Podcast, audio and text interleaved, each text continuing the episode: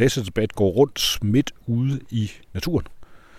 Som med øh, den her uges aktivist, som er Peter Kofod, øh, som er også lidt journalist, og også øh, en masse aktivist, som det kommer vi tilbage til undervejs. Og øh, så har jeg engang kommet til at give ham titlen øh, Du er også ballade med øh, på forskellige vis. Men kunne man starte med at prøve at spørge dig ad om, hvordan er du kommet ind i alt det her med at være aktivist? Det er egentlig kommet i to omgange. Første gang, det var helt tilbage i 2002, Irakkrigen, hvor jeg sad derhjemme. Jeg var helt almindelig dengang statskundskabsstuderende, og øh, så, hvordan situationen spidsede til, og det så mere og mere ud til, at vi skulle med i den her Irakkrig, som helt åbenlyst var ulovlig, og det var løgn alle de grunde, de gav til, at vi skulle med i den. Og, og så sad jeg bare hjemme og blev mere og mere træt i nakken af at ryste på hovedet for en tv, og så tænkte jeg, at jeg gør sgu et eller andet. Det der med at gøre et eller andet, det var altid nemmere sagt end gjort. Man skal finde noget at gøre. Men det jeg så fandt, det var en kronik i en engelsk avis, der var skrevet af en tidligere amerikansk soldat, som tænkte, øh, vi skal stoppe den her krig, og den måde vi gør det på, det vil få en masse hvide mennesker, europæere og amerikanere, til at tage til Irak og være bombeskjold, fredsvagter, aktivister, et eller andet. Så det gjorde vi. Vi kørte i bus hele vejen fra London til Bagdad. Det er ikke verdens nemmeste tur, især ikke i en rød London dobbeltdækkerbus, men vi kom frem. Og øh, så brugte jeg et godt stykke tid dernede, og nåede at blive smidt ud af Saddam Hussein lige inden krigen, fordi jeg ikke ville gøre, som han sagde. Og, øh, så på den måde var det en fiasko, men, øh, og krigen kom jo og slog en frygtelig masse mennesker ihjel, så det virkede overhovedet ikke. Men det gik op for mig, at man kan gøre noget, man kan prøve at gøre noget som helt almindelig menneske. Og det har ligesom sættet i mig lige siden dengang, at, at hvis man kan noget, så skal man sagt med prøve det. Det forpligter. Der er masser af mennesker her i verden, der ikke kan gøre noget som helst. De er dødfattige og underuddannede og underernærede og har ingen muligheder. Og heroppe i vores del af verden, der har vi trods alt nogle muligheder. Og øh, så er man skulle have dumt svin, hvis man ikke gør, hvad man kan. Øh, og det leder måske til anden gang, hvor jeg ligesom blev aktivist, og det var i forbindelse med Snowden, øh, masseovervågning og alt det her, hvor jeg på grund af de kontakter, jeg havde fra dengang i øh, Irak, øh, da Snowden så stod kom frem, øh, dukkede op ud i det blå i 2013 øh, i Hongkong på det hotelværelse med alle de her hemmeligstemte dokumenter fra NSA. Der havde vi fælles bekendte, og det viste sig sgu, at han vidste, hvem jeg var, da jeg så henvendte mig til ham for at, at få et interview. Øhm, og det gjorde tingene en del nemmere. Og jeg er sikker på, at der er masser af journalister, der vil givet deres højre arm for at få et interview med Snowden, men jeg havde slet ikke journalistiske intentioner med det. Jeg havde aktivistiske intentioner. Jeg var enormt træt af, hvordan mediedækningen af alt det her Snowden, NSA-overvågning var herhjemme, som bare var sådan noget, han er måske russisk spion, og vi har ingen grund til at antage, var det her automatmantra. Så jeg tænkte, igen belært af mine erfaringer fra Irak, hvor, hvor medierne var meget villige til at dække noget med sådan en lokal øh, vinkel. Hvis man kunne lave en historie om en dreng fra Fyn, der var i Irak, så havde det forside i aviserne, men hvis det var de her mere principielle ting om, hmm, må et land egentlig godt lyve som en ulovlig angrebskrig og slå en frygtelig masse mennesker ihjel, så er der ikke ligesom den store medieinteresse, øh, enkelt undtagelse. Ikke? Men, og så tænkte jeg, hvis nu man laver et interview med Snowden, som handler om Danmark, så øh, er medierne nødt til at tage det alvorligt. Og, øh, og det, det synes jeg egentlig også, de gjorde. Mm. Øhm. Bare lige for at prøve at resumere på det. Noget af det, som jeg husker det interview, som jeg så jeg tror nok, jeg har faktisk øhm, jeg har skrevet noget af det af, som ligger på aflyttet.dk, hvis nogen skulle være interesseret i at gå ind og finde det. Øh, I hvert fald nogle af de dele af de ting, han fik sagt i det her interview. Men kan du prøve at fortælle lidt om, hvad det var, øh, han kunne fortælle om Danmark på det tidspunkt? Ja, altså det, det jeg ligesom gjorde, det var jo, at, at jeg skulle, jeg vil gerne snakke om nogle principielle ting, og så skulle det iklædes en, en dansk øh, kontekst. Så dels så spurgte jeg en masse hvad skal man sige, generelle ting, øh, om hvordan fungerer det her øh, masseovervågningsværk, og det, det forklarede han jo øh, selv, men også det, det kunne man jo læse i alle dokumenterne. Men, og så den debat, vi stod i dengang, det var jo det, hvor, hvor der var en del folk, der gik og sagde det der, jamen man skal ikke rigtig øh, tage det her alvorligt, og det, det er ikke rigtig nogen øh, trussel mod øh, rigtige mennesker, fordi det er jo kun terrorister, vi er ude efter, noget, noget den stil. Ikke? Og, og, og så det var meget det, det handlede om. At, giver det egentlig mening? Giver, giver det mening, at at fordi at man er bange for, at en eller anden vil, vil springe en bombe et eller andet sted, skal man så overvåge alle hele tiden. Og, og det har været hans kæphest hele tiden, at dels så, en kæphest, som jeg er meget enig i, at, at dels så er det jo fuldstændig utilstedeligt. Man skal da ikke overvåge uskyldige mennesker, fordi man er bange for, at en eller anden idiot gør et eller andet dumt et eller andet sted, uanset hvad omstændighederne så i øvrigt er. Men også øh, en af Snowdens, de ting han tit siger, det er, at lortet virker ikke. Altså, øh, faktisk så øh, er det nærmere tværtimod, at, at fordi man bruger så meget energi på at øh, overvåge os alle sammen hele tiden, så får man indsamlet så meget data, at man ikke kan finde det, man måske egentlig burde øh, kigge på. Ikke? Og øh, det snakker vi ikke om interviewet, men, men noget af det, man jo kan se hver eneste gang, der, næsten hver eneste gang, der ser et terrorangreb øh, et eller andet sted i Europa eller USA eller et eller andet, så, så dem, dem, der gør det, det er jo nogen, der har kendt myndighederne i forvejen, fordi det, det sker jo ikke i et vakuum, vel?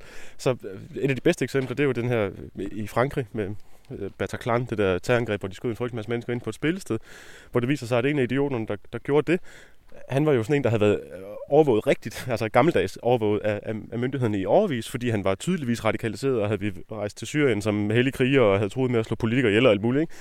Men den overvågning, han var nødt til at trække tilbage. Man er nødt til at holde op med det, fordi man havde ikke ressourcer til det. Og, og det er selvfølgelig nemt at, at sådan spille smart med det, men en af grunden, som man ikke har ressourcer, det er, at man prioriterer de her ressourcer helt forkert.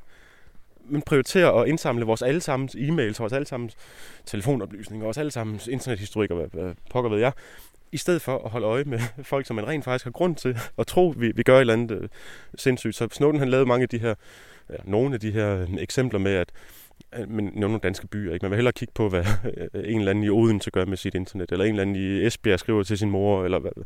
Og, og, og det var sådan nogle ting, der tror jeg var med til at sætte øh, sådan mere på nyhedslandkortet i Danmark. Ikke? At, at det er ikke et andet abstrakt, der sker derude på internettet det, det er noget, der handler om vores samfund, vores land, øh, mennesker, rigtige mennesker, der bor her, at al vores kommunikation bliver overvåget hele tiden, og det er fuldstændig sindssygt.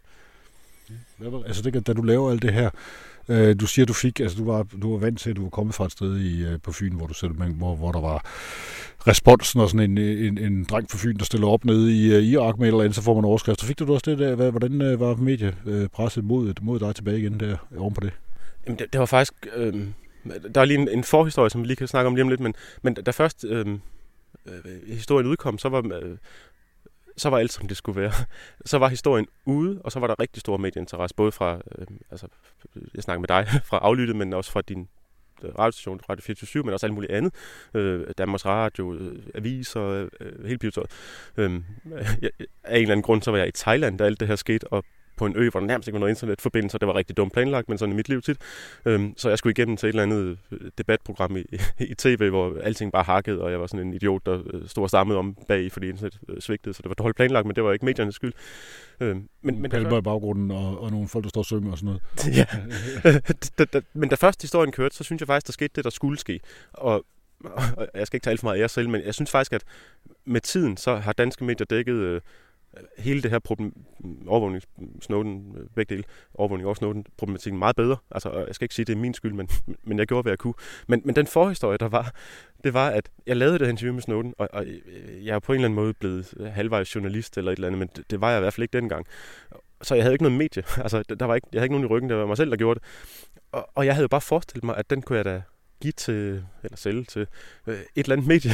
Og jeg nåede faktisk igennem en, en god stak forskellige meget etablerede danske medier, som sagde nej til det, som ikke vi bringe det. Øhm, og det, det sjove var jo, at de journalister, jeg talte med på alle steder, de var jo helt oppe at ringe. Det er mega fedt, øh, det kan vi gøre alt muligt med. Men da de så vendte med deres redaktør, så sagde de øh, alle steder, en enkelt tv-station og to aviser, sagde nej, øhm, fordi det var for aktivistisk. Og øh, jeg, jeg skulle have spurgt noget, synes deres redaktør, ikke? Øh, at, at de var bange for at blive beskyldt for mikrofonholder for en potentiel russisk spion. Eller, ikke? Altså, øhm, øh, jeg stillede ikke kritiske nok spørgsmål til Snowden, og det har de øh, for så vidt ret i. Jeg stillede et enkelt, øh, kan du bevise, du ikke er russisk spion spørgsmål, men det var helt klart med den øh, undertone, at jeg synes, at beskyldningen var fuldstændig hjernet, fordi at man kan ikke bare, jeg kan ikke bevise, at jeg er ikke russisk spion. Lars Lykke kan ikke bevise, at han ikke er pædofil. Det, det kan ikke lade sig gøre. Det, det er heller ikke sådan, det fungerer. Det fungerer sådan, at hvis nogen siger, at du er russisk eller øh, pædofil, så skal de bevise det. Man kan ikke bare komme og sige det til folk, og så skal man lade som om det er seriøst. Så, så jeg nævnte det i flæng for ham, fordi at der havde været en debat herhjemme, hvor nogle tidligere efterretningsfolk, blandt andet Hans Jørgen Bonningsen, som jeg sætter stor pris på, øh, han havde sagt nogle rigtig dumme ting om, om Snowden, og det, det bad jeg ham forholde sig til, og han sagde bare det samme, som jeg lige har nævnt. Ikke? At, øh, hvad vil du sige? Kan du bevise, at du ikke er russisk spion? Altså, og så brugte jeg ikke mere tid på det. Øh, og, og det synes de etablerede danske medier på det tidspunkt, at jeg, jeg skulle have gjort. Og, og jeg tror, at en af grundene til, at, at det var sådan, det var, at, øh, og det er et problem, der tit gør sig gældende i medieverdenen, det er, at, at der var ikke en politisk konflikt herhjemme, de kunne dække sådan på den ene side, på den anden side. Og det er jo det, der tit er nemt, ikke? Hvis den ene fløj synes det ene, og den anden fløj synes den anden, så er det to synspunkter, så har man konflikter, og så er det en god historie. Men herhjemme, der var det jo sådan, at det var jo den røde regering, eller gå så en røde regering, der havde magten, og, og den anden fløj, de var fuldstændig enige i den politik, som, som de førte, nemlig at man bare skulle lave alt det her masseovervågning. Så de kunne ikke slippe afsted med at lave den her på den ene side på den anden side, og derfor var man nødt til at tage det her seriøst med, at okay, konflikten i det her, det skal være, at, at Snowden han er en dårlig øh, fyr, ikke? Ja. Og det, det gad jeg selvfølgelig ikke med til. Og derfor så, øh, eller gad ikke med til det, det var rækkefølgen omvendt. Jeg havde lavet interviewet, ikke? Men, øh, så derfor endte jeg med at udgive det selv på den fri, og du har helt ret, at jeg tror faktisk, du fik lov til at reproducere det næsten det hele, eller måske det hele på, øh, på din. Øhm, og så måtte andre medier så lave citathistorie derfra. Information øh, var rigtig dygtig til at lave citathistorie, fordi dem havde jeg jo snakket med i forvejen, fordi de havde i forvejen nogle Snowden-dokumenter, og havde lige skrevet den første store danske Snowden-historie. Der var en det, der fik det hele til roligt for mit vedkommende. Ikke? De har skrevet den her historie om øh, overvågning af klimatopmødet i København COP 15, eller pokker det hed. Øhm, der var hele verdens ledere var samlet for at, at finde en forpligtende løsning på klimaforandringerne, som vi næsten alle sammen nu i hvert fald synes er mega vigtigt. Og det havde øh, NSA og company jo fucket op, fordi de ville ikke have en forpligtende løsning. Øhm, så det havde overvåget alle deltagerne på topmødet og sørget for at kende alle folks forhandlingspositioner og spille folk ud mod hinanden og sørge for, at der ikke kom en løsning. Der er en masse sjove subhistorier i den, i den øh, historie, blandt med Lars Løkke og sådan noget, som jo også var statsminister dengang, fordi at, fuck, det er politisk incest eller et eller andet, ikke? Men, øhm, og grunden til, at, at jeg så endte med at lave et interview, det var egentlig, at jeg synes slet ikke, at medierne tog det alvorligt nok. Nu har man sagt i lang tid, at øh, vi synes ikke, at, øh, at der er ligesom nogen dansk forandring i den her Snowden, masseovervågning, bla bla bla, det er bare om USA og terrorister, hvad det er, og han er så ikke russisk spion, så der er ikke nogen grund til, at vi sådan rigtig tager det seriøst. Det var jo nævnt hist og pist, alle de her Snowden-afsløringer, men det blev ikke sådan rigtig taget op fordi der ikke var noget dansk hook. Men så kom der den historie, der handlede om noget helt specifikt i København. Et fysisk topmøde, der blev udspillet i hoved og røv øh, af NSA og, og, og engelsk efterretningstjeneste og kunne vide hvem ellers. Og så lød vi det stadigvæk som ingenting. Og, og det var helt bizart. Det var der, hvor det her øh, information udgav den her artikel. Øh, lige i slutningen af januar 2014 klokken 23.29 om aftenen, så vidt jeg husker. Jeg sad i en lufthavn og opdaterede min telefon som en idiot, øh, for at nå at se den, inden jeg skulle flyve. Og to og en halv time senere, tror jeg, klokken to om natten ish, så udsendte øh, Forsvarsministeriet af en eller anden bizarre grund den her pressemeddelelse, der sagde, vi har ingen grund til at antage, at der foregår ulovlig overvågning rettet mod Danmark eller danske interesser. Og, og, og det er det eneste, de har sagt. De har ikke sagt andet. I, i de fleste andre hmm, gå så en civiliseret lande, der har der jo været høring, og der har været undersøgelseskommissioner, der har været spioner, der er blevet fængslet, som i Tyskland, ikke? og man har lavet lov om, og man har fyret chefen for efterretningstjenesten og sådan noget, for at komme til bund til det her. I Danmark har man sagt det der åndssvagt, ingen grund til at antage automat, ja, øh, og ikke gjort andet. Og, og, altså, jeg har det jo sådan, jeg kan forstå, at politikerne gør den slags, ikke? fordi de har lavet noget lort, og de har lavet nogle efterretnings, fremmede efterretningstjenester, der gør noget, som de sagde ikke skulle have givet dem lov til herhjemme. Ikke? Så det, de har noget skjule, eller du ved, de har noget dæk over, eller et eller andet det kan jeg sådan forstå ud fra almindelig motivforskning, hvorfor de gør det her. Men hvorfor helvede lader medierne dem slippe afsted med det, ikke? Det, det kan jeg slet ikke have. Så derfor så tænkte jeg, hm, jeg er nødt til at lave det interview for ligesom at, at få mediedækning op i, i gear igen. Og, øh, Ja. Den der sætning er jo værd, den er jo værd at hæfte sig ved den her. Der er ingen grund til at antage, at der finder ulovlig overvågning sted mm-hmm. øh, på dansk jord. Fordi den blev gentaget. Det var ikke kun, øh, hvad hedder det, øh, forsvarsministeriet. Det var forsvarsministeren, der var ude. Jeg tror, det var både Bødskov har været ude at sige det af flere omgange. Øh, og så tror jeg faktisk også, så vi er gået så vidt som, at Helle Schmidt også har sagt det yeah. øh, i et par interviews. Man burde egentlig sætte sig ned og klippe alle de her ting sammen, fordi det er fuldstændig enslydende ting. Yeah. Og det er jo sådan et af de steder, hvor jeg i hvert fald som journalist, og det har du, du har det sikkert fået det samme efterhånden banket ind, at lige snart folk de begynder at sige det samme, øh, hvis man spørger dem om noget, øh, er fuldstændig ordret, øh, så er der nok noget andet på spil i hvert fald. Altså, så, så er det muligvis ikke helt, som det ser ud til at være. Nej, så, så er det enten, at et eller andet er så meget lige til højrebenet, at det kan ikke være anderledes. Og det er jo ikke tilfældet her. Der er ingen grund til at antage, at der foregår amerikansk overvågning rettet mod Danmark eller danske interesser. Det er jo ikke noget, man bare lige, du ved, vælter ud af sengen og sådan siger som det mest oplagte. Så enten er det bare noget, man finder på, det er det ikke. Så er det noget, der er koreograferet. Ikke? Altså, det, det, de har haft en eller anden fokusgruppe, eller øh, du ved, ikke fokusgruppe, men altså, de har sat sig sammen i et eller andet udvalg og fundet, vi skal finde en måde, vi kan komme ud af det her på. Ja. Og, og så siger vi bare det til øh, uendelighed. Og, og det har de jo gjort, ikke? Der er blevet lavet en, hvor den klipper sammen, den ligger på YouTube, det er fra Deadline, hvor Martin Krasnik kan vise det til Laura Poitras, du nævnte før, ikke? Hvad siger du til det her? Og, og, og det, det, altså, det er virkelig pinligt, ikke? Altså, det er en håndfuld mindst danske toppolitikere, der står og lirer det her af for Folketingets talerstol på forskellige øh, tidspunkter, så koreograferet, at man kan lave en video, man klipper det sammen, ikke? og så er det den, øh, den hele sætning. Og, altså, det er jo det er virkelig, virkelig fjollet. Det, det er jo ikke at det er hverken at tage sig selv som politiker alvorligt, eller, eller, eller de meget vigtige emner, det egentlig handler om, altså grundlov og menneskerettigheder og, og, og landets suverænitet og hvad ved jeg ikke, og, og vores allesammen privatliv og retsstatsprincipper og sådan noget, men det, det er virkelig ikke at tage befolkningen alvorligt, ikke? Og, og, og hvis nu medierne det, jeg vi har gjort, hvis jeg var chefredaktør for det samlede danske medier AS, det var jo at blive ved med at holde fast i det her, indtil de kom med nogle ordentlige svar. Og, og det kan virke sådan åndssvagt, når man lever i den verden, hvor man gør nu, fordi hvad så skal vi så sætte det på forsiden hver eneste dag i syv år eller et eller andet, og, og det vil ikke være nødvendigt. Hvis man virkelig krævede svar, så der var ikke nogen, der kunne holde en uge med samlede medier, der bare havde dækket det her kritisk fra starten. Altså, så, så var de være nødt til at sige et eller andet andet, ikke? Og det skete desværre ikke. det, det er også fristende at begynde at tage den der sætning fra hinanden i små bitstykker, fordi Ui. altså første del hedder, der er ingen grund til at antage. Mm. Den, den, den kan ikke rigtig tåle øh, negationstesten. Altså, det vil sige, fordi hvis der ikke er nogen grund til at antage, så kan man lige så godt sige, at, at det er indlysende, at det gør. Ja, det er fordi det, vi ved det. Det er fordi vi ved Vi har ingen så, grund til at tro ja. det, fordi vi ved det. Ja. Og, og den næste del, det er, at der finder ulovlig overvågning sted. Mm. Det vil sige, den kan også vendes rundt til at sige, at det er noget, vi godt ved, og vi accepterer det, og det er ikke bare accepterer det, men det er også lovligt set med vores øjne, ja. ud fra de aftaler, vi nu har indgået. Præcis. Vi har fortolket loven på en eller anden måde, eller lavet en hemmelig lov, der, der ligesom gør det her legalt. Og, og, jeg håber ikke, vi har hemmelige lov i Danmark, men det er jo en af de ting, der har vist sig fra Snowden-afsløringen, at det har de faktisk i USA. Ikke? Og hemmelige fortolkninger af hemmelige love, så selvom man som helt almindelig borger eller øh, senator eller kongresmedlem, der også sidder og læser lovene, hvad er egentlig lovligt, så har man ikke en anelse. Fordi så findes nogle hemmelige tillæg, der siger, at vi fortolker det her komma et eller andet sted, en eller anden random lov, som om, at nu har vi lov til at overvåge alle i hele verden hele tiden. Ikke? Og det duer jo ikke. Altså, det, eller det, det må de jo selv om derovre, men, eller det må de ikke, men det er ikke noget med mig at gøre, men det har noget med mig at gøre, hvad der foregår her. Ikke? Og, og, det kan sgu ikke være rigtigt, at, at man bare kan lave ordtricks, og, eller ordsalat, og så er det pludselig okay at gøre et eller andet, som helt åbenlyst er ulovligt i forhold til altså grundlov og vores almindelige straffelov og sådan noget. Ikke? Altså, det duer fandme ikke. Så må de, hvis de virkelig vil gøre det her, så skal man sige, okay, men det er et politisk spørgsmål, så skal vi lave loven om. Ikke? Så skal man sige, prøv at høre, fra nu af, det er så vigtigt, at hvis ikke, du ved, baby dør, hvis ikke vi får stoppet de her terrorister, og derfor er vi nødt til at overvåge din mor hele tiden, og alle andre.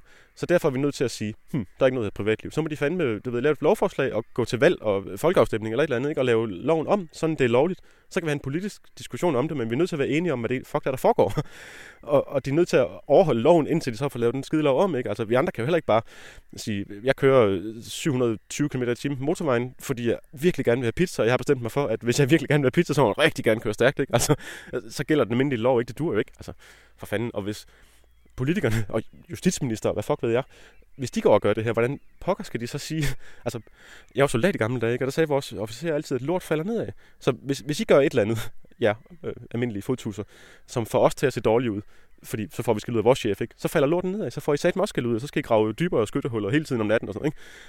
Sådan er det jo i virkeligheden også, ikke? Hvis staten, justitsministeren og sådan nogen ikke overholder loven, hvordan pokker skal de så gå og lade som om, at det er rimeligt at forvente, at helt almindelige mennesker, der arbejder deres ansigtsfodsved, alt det der, hvorfor skal de overholde loven? Altså, det giver da ingen mening.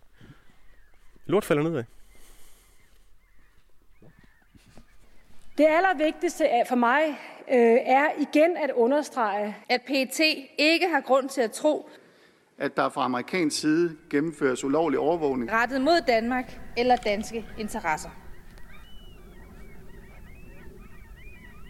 Tror, det er en mågefest, der er i gang et eller andet sted. Sådan en masse måger, der er i gang med at have fundet et eller andet, de kan æde. Men vi kan skændes om. Det er meget højt lyt. Meget analogt. Ja, det er det også. Peter Kofod, noget det, du, øh, det der med at være aktivist, altså nu har du, altså en ting er, at du har været involveret i alt det her med Snowden og alt den her ballade omkring ulovlig masseovervågning og sådan noget, men du har sådan set fortsat i det spor mm. igennem relativt lang tid. Og du bruger rigtig meget tid på det. Mm. Øh, men det er, jo, øh, det er jo en kendt sag, at det er ikke det er ikke noget, man kan tjene penge på. Rigtigt. Hvordan har du, øh, du har formået i hvert fald indirekte i hvert fald at kunne få nogle, øh, nogle, nogle penge hjem på nogle sådan lidt bizarre aktiviteter, som blandt andet handler om at lave et website og noget med nogle sjove billeder. kan du fortælle lidt om, hvad, hvad du har gjort for ligesom at kunne, skal man sige, altså få, få finansieret dine aktiviteter som aktivist?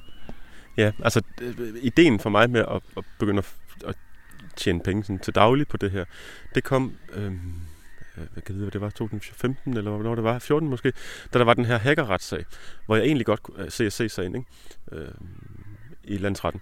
Og der kunne jeg godt tænke mig at komme over og dække det. Og så skrev jeg på Facebook, hvad, hvordan fanden gør man det? Jeg har ikke nogen penge. Og så var der en hel masse folk, der sagde, det vil vi gerne øh, betale. Okay, så tænkte jeg. Og så gjorde de det.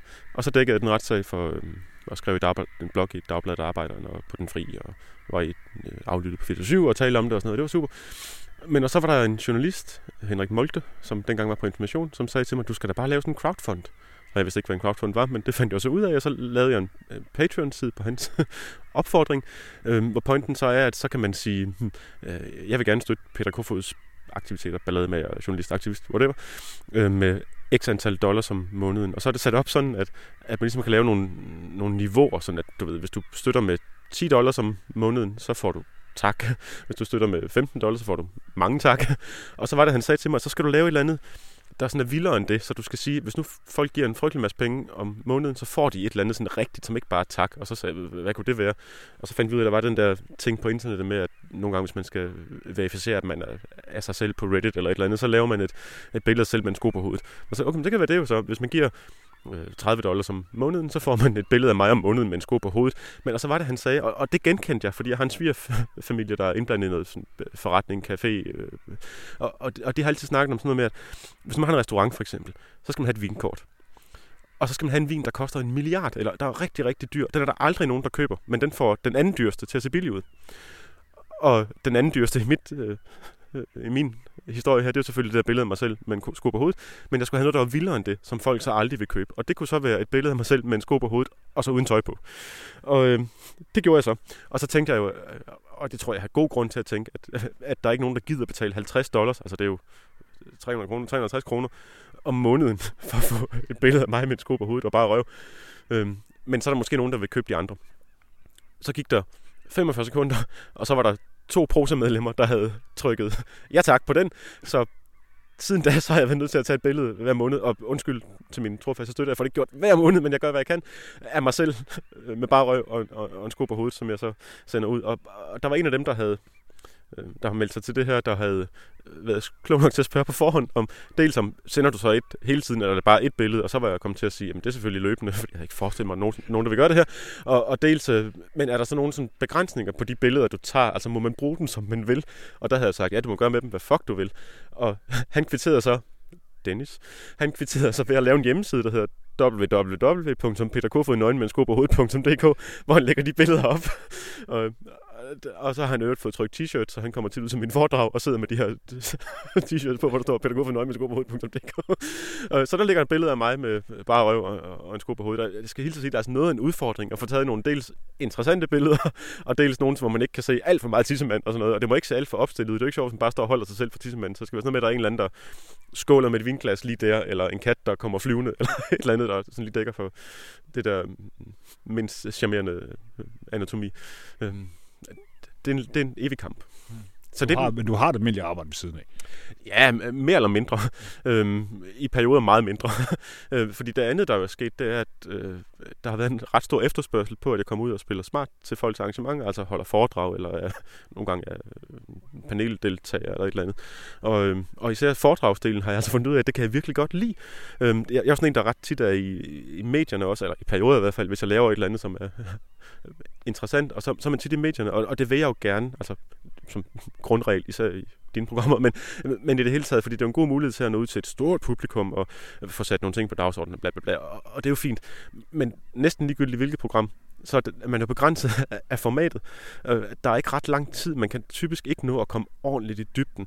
Og, og tit, især i de sådan store, landstækkende hmm, tv-programmer, der, der, der er virkelig dårlig tid, og, og de stakkels journalister, der sidder der, de har jo ikke tid til at sætte sig ind i tingene, så det er nogle, undskyld, temmelig dumme spørgsmål, men tit får ikke.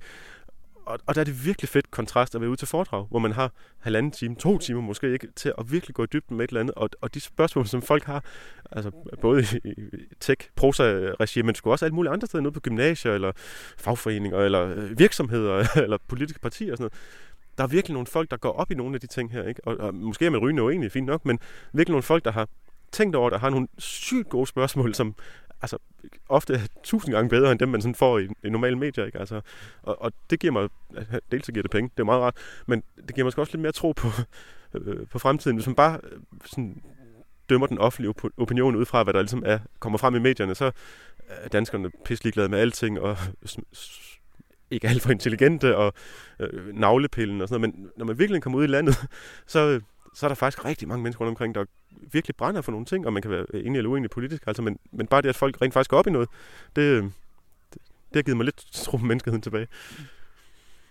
Det her med, altså nu, vi talte før om Snowden og hele den her ballade, der har været omkring det, den er sådan ligesom gået lidt den, der, jeg vil ikke sige, at den er gået væk, men den er i hvert fald blevet mere stille. Øh, måske fordi han nu har som om, han bor permanent i, øh, i Rusland, i hvert fald i en længere periode med kærester og alle mulige andre, og mange af de ting, han har fundet ud af, er ligesom ved at blive kørt igennem møllen. Hvis du skulle pege på sådan nogle, hvad skal man sige, nogle områder, du øh, i dag fokuserer på, hvad vil det så være? Hvor, hvor er din aktivisme? Hvilken retning tager den nu? Altså, en gang imellem så laver jeg et eller andet helt skørt, der ikke har noget med noget som helst at gøre. Altså, jeg dækkede, eller begyndte pludselig med baglæns, hvad sådan noget, tilbagevirkende kraft, at dække lærerkonflikten og sådan noget, men, og, og, og det, det, var sådan helt random. Men, men og, og, den slags ting forbeholder jeg mig retten til. En gang vil man grave i et eller andet, som ikke har noget med noget som helst at gøre. Men ellers så synes jeg jo, at, at det er rigtigt, at der er blevet øh, ro om Snowden som person, og det er han den første til at være rigtig glad for, ved jeg ikke? Altså han har aldrig syntes, at han selv er specielt interessant som person. Det er nogle andre, der synes, men det har han aldrig rigtig syntes. Det handler ikke om ham, det handler om emnerne. Og, og, og jeg synes, at man må bare der er før og der er efter Snowden. Ikke? Og efter Snowden, der er der en masse ting, som mange medier aldrig har taget op og gjort til en, en stor sag, som pludselig er blevet principielt. Så øh, GDPR-sagen, nu har der været øh, den nye artikel 13 upload-filtre. Der er hver eneste gang politiet eller efterretningstjenesten finder på at lave et eller andet underligt. Øhm, så kan man se det i lyset af noget, vi ved fra de her Snowden-afsløringer, ikke? som har ligesom har sat emnet på dagsordenen og har gjort det, og, og, og dels jo på grund af ham, men dels på grund af øh, Øh, Øh, aktivisme, altså min egen eller øh, din øh, journalistik, eller øh, nogle af de dygtige journalister, der har skrevet artikler om det her, eller nogle organisationer, der har kæmpet for det, har gjort det klart, at udgangspunktet er, at det her det er ikke et eller andet skørt, der sker ud på internettet, som er interessant for nogle nicheorgan, øh, nichegrupper. Det, det er noget, der handler om os alle sammen. Det er menneskerettigheder, det er vores land. Så noget af det, der kommer allermest glad, det nogle gange, når jeg er nødt til at sige til en journalist, der ringer til mig, jeg ved ikke en skid om det her, men øh, hvis de ringer om et eller andet, der sådan halvvejs har med teknik at gøre, at de så selv laver de her koblinger, at det her, det er ikke bare noget, som man skal snakke med en professor i øh, datalogi om, det må man sikkert også gerne, men at det faktisk er noget, der har øh, betydning for øh, almindelige mennesker, rigtige mennesker. Ikke? Så, så det er ligesom, det, det er det, jeg ser min egen hovedrolle. Det er som en eller anden, der, der hele tiden siger, at prøv at høre, de her ting, det er virkeligheden. Det er ikke øh, en eller anden hobby for nogle tech-fetishister eller sådan noget. Det er noget, der har kæmpe indflydelse på øh, øh det samfund, som, for nu at være rigtig melodramatisk, ikke? Som, som folk er, er døde for, at vi skulle opnå nogle bestemte rettigheder, og øh, at tingene skulle fungere på en, gå så en ordentlig øh, måde. Det har aldrig været rigtig ordentligt. Selvfølgelig har det ikke det. Der er altid noget galt, ikke? Men altså, og alt det, det bliver ligesom kørt over ende, bare fordi der er en eller anden teknisk udvikling, der, øh, der gør, at nogle politikere kan sige, at et eller andet det er smart, eller nogle plusord, eller singularity, university, fuck you, ikke? Altså, det, det tror jeg sgu, der er arbejde nok til, at jeg engang stiller træskoene. Altså, det, det, der bliver kun mere af den slags, uanset hvad, øh, hvad Snowden laver. Hvis du nu skulle kigge ud i fremtiden og sige, hvis du nu forestiller dig, at der sidder nogen derude, som lytter til den her podcast, og som tænker, hmm, øh, jeg kunne også godt tænke mig at lave noget øh, ballade eller være aktivist, eller jeg har også nogle sager, jeg går virkelig meget op i. Kan man sige, er der sådan, findes der sådan en slags manual eller en guide til, eller som en, en Peter Kofod guide til, hvordan man bliver en god aktivist? Altså, øh, øh, folk er meget forskellige, tror jeg, og man skal jo være tro over for sig selv, men, men det jeg har opdaget, det er, at du skal være fuldstændig ligeglad med, hvad andre siger. Fordi noget af det første, der sker, når man ligesom kommer i det offentlige, øh, i offentlighedens øh, lys, det er jo, at, at der er alle mulige, der synes, at man skal moderere sig, at man skal mm, tale pænt, at man skal... Øh, at man ikke skal lyde for ekstrem og sådan noget. Og der, der er et hjørne af det her, hvor det er rigtigt, at der er nogle helt simple ting, som for eksempel, at man bør nok tage noget pænt tøj på, når man skal i tv, fordi det giver bare noget troværdighed, og det burde ikke være sådan, men sådan er det. Så øh, tag, tag nu en skjort på. Ikke? Der var jeg selv lidt øh, modstræbende over for i starten, men man kan bare se, at det, det rykker diskussionen helt vildt meget i den retning, du gerne vil, at du øh, er præsentabel. øhm, men, men så den anden ting, det er, at man, man skal aldrig nogensinde... De samme folk, som siger det, de siger til at, at, at så skal du også passe på, at det ikke lyder for ekstrem. Og, og, og det har de bare, det synes jeg, de tager fuldstændig fejl i. Men man skal selvfølgelig ikke gøre alt, hvad man kan for at lyde som Dracula eller et eller andet. Og, og, og, men, men du skal ikke moderere dine holdninger overhovedet. Du skal sige præcis, hvad du mener. Og du skal bare sige det, som om det er helt selvfølgeligt. Øh, noget af det jeg gjorde galt i starten, eller mindre godt i starten, det var, at jeg med vilje prøvede at lyde øh, stridbar. Og sige et eller andet, som om jeg godt selv vidste, at det her, det er øh, kontroversielt, men, øh, men jeg står fast på det. og, og, og al fred med det. Men det viser sig jo ret hurtigt, at hvis man bare siger tingene stille og roligt, men altså det samme indhold, men siger, vi ved jo alle sammen, at Irak-krigen var ulovlig, så er der ikke nogen, der giver pushback. Og så har man pludselig flyttet hele debatten over til, at, at det er et fuldstændig mainstream synspunkt. Ikke? Ellers man siger, det er jo klart, at masseovervågning det er i strid med menneskerettigheden. Det er det. Øh, så i stedet for at skulle sidde og have en kamp på tv om, hvorvidt det nu er i strid med menneskerettigheden, når vi alle sammen ved, at det er det, hvis man bare siger det som statement of fact, så kan man komme videre til noget, som man egentlig gerne vil sige. Så, så lad være med at moderere dine holdninger og tage noget pænt tøj på. Det, det vil være min øh, bedste råd til andre, der, der vil gøre det samme. Og så selvfølgelig sætte sig ind i tingene. Ikke? Du, øh, det er den bedste forberedelse overhovedet kan, i stedet for at tænke over præcis, hvad du skal sige, så sæt dig ind i tingene, så du ved, hvad, hvad det, du skal snakke om, det egentlig handler om. Så kan du meget nemmere håndtere øh, ret dumme øh, indspark fra øh, politikere eller øh, journalister eller et eller andet, som gerne vil få samtalen til at handle om et eller andet helt andet. Ikke? Øh, hvis du selv har styr på dit shit. Så det er altid en god idé. Det er et frygteligt arbejde. Det er ikke særlig velbetalt. Øh, hvad hedder det? Og folk mener, at man skulle have sagt noget andet. Hvorfor gør du det? Jeg kan sgu ikke lade være. Øhm, jeg vil ikke afvise, at jeg på et eller andet tidspunkt får, får nok. Og, øh, det gør jeg en gang imellem et periode, så gider jeg ikke, så slukker min telefon og du ved, læser en bog. øhm, leger med de der små mennesker, der render rundt derhjemme. De er meget flinke, mine børn, har jeg fundet ud af. øhm, men sådan i det store hele, så, altså, jeg kan ikke lade være. Jeg, jeg synes, hvis man virkelig synes noget er vigtigt, altså modsat, at man har en eller anden politisk holdning, og det kunne være meget rart, hvis et eller andet blev på en eller anden måde. Men som det tit er i dansk politik, ikke? altså plus minus en halv procent i skat, eller plus minus 10 procent grimt med udlænding, eller et eller andet. Den slags ting, det kan man godt se bort fra, synes jeg. Ikke? Altså, okay, det gider jeg ikke lige i dag, jeg vil hellere øh, se børneborgen. Nej, jeg vil hellere øh, et eller andet. Ikke? Men, men hvis det er virkelig noget, man synes er vigtigt, ikke? Altså, så, så man, man kan da ikke lade være, fordi det er jo vigtigt. ikke? Altså, hvis man virkelig bekymrer sig om menneskerettigheder, mediefrihed og ytringsfrihed, øh, privatliv, om ens land skal være et, der går ulovligt i krig og sådan noget, om ens politikere må være korrupte. Altså, for fanden. Jeg har brugt meget, for meget, tror jeg, tid i mit liv i lande, som vi alle sammen er enige i, øh, ikke er frie. Altså, jeg ved, Irak under Saddam Hussein, ikke? og Syrien under øh, Assad, og Tyrkiet under Erdogan, og Tunesien under Ben Ali, Ægypten under Mubarak. Og, og, og det, der gør, gør de lande ens, det er jo ikke bare, at lederen typisk har en mega grimt overskæg.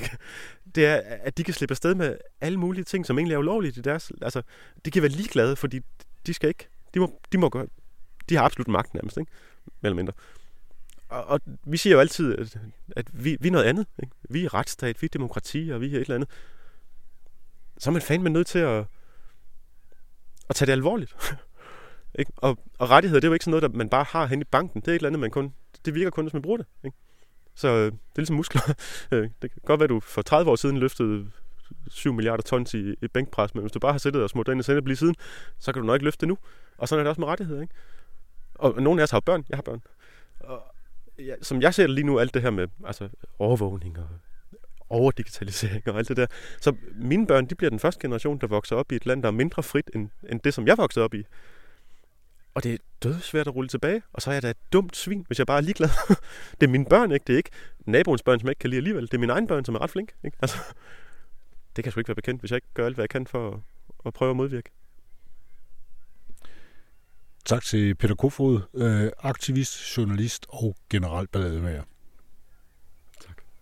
The machine uses only two sounds produced electrically. One of these represents the breath. The other the vibration of the vocal cords. There are no phonograph records or anything of that sort. Only electrical circuits, such as are used in telephone practice. Let's see how you put expression into a sentence. Say she saw me with no expression.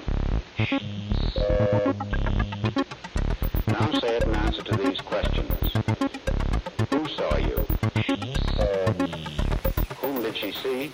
She saw me. Did she see you or hear you?